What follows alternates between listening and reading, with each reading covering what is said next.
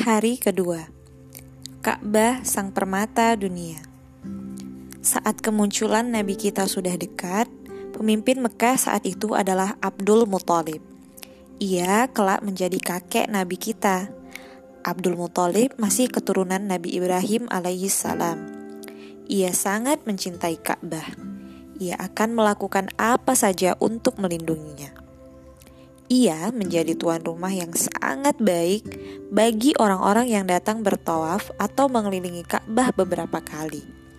Ka'bah menjadi tempat suci bagi banyak orang karena Ka'bah adalah tempat ibadah pertama di dunia. Ka'bah adalah permata bumi. Allah sudah memerintahkan manusia sekaligus nabi pertama, Nabi Adam alaihissalam, membangun tempat suci ini. Berabad-abad sudah berlalu dan dinding Ka'bah sudah runtuh. Allah kemudian memerintahkan Nabi Ibrahim alaihissalam dan putranya Nabi Ismail alaihissalam membangunnya kembali. Allah berfirman kepada mereka bahwa tempat suci itu adalah tempat berkumpul dan beribadah. Allah memerintahkan mereka agar mengajak orang-orang mengunjungi Ka'bah. Jadi, ibadah haji pun menjadi ibadah yang berhubungan dengan Nabi Ibrahim alaihi salam. Sejak saat itu, orang-orang sangat menghormati Ka'bah.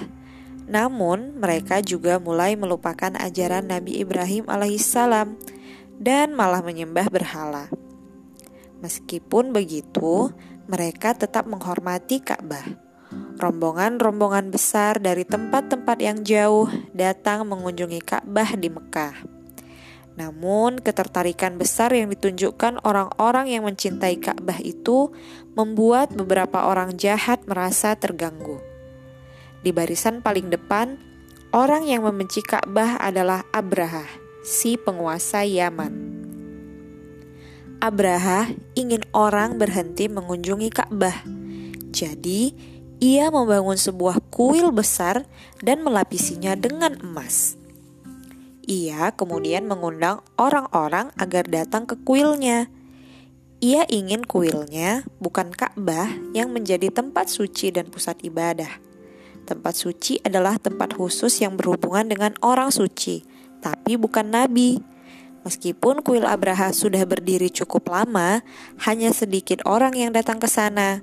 Abraha menjadi sangat marah ia memutuskan akan menghancurkan Ka'bah dan ia kemudian mulai melakukan persiapan.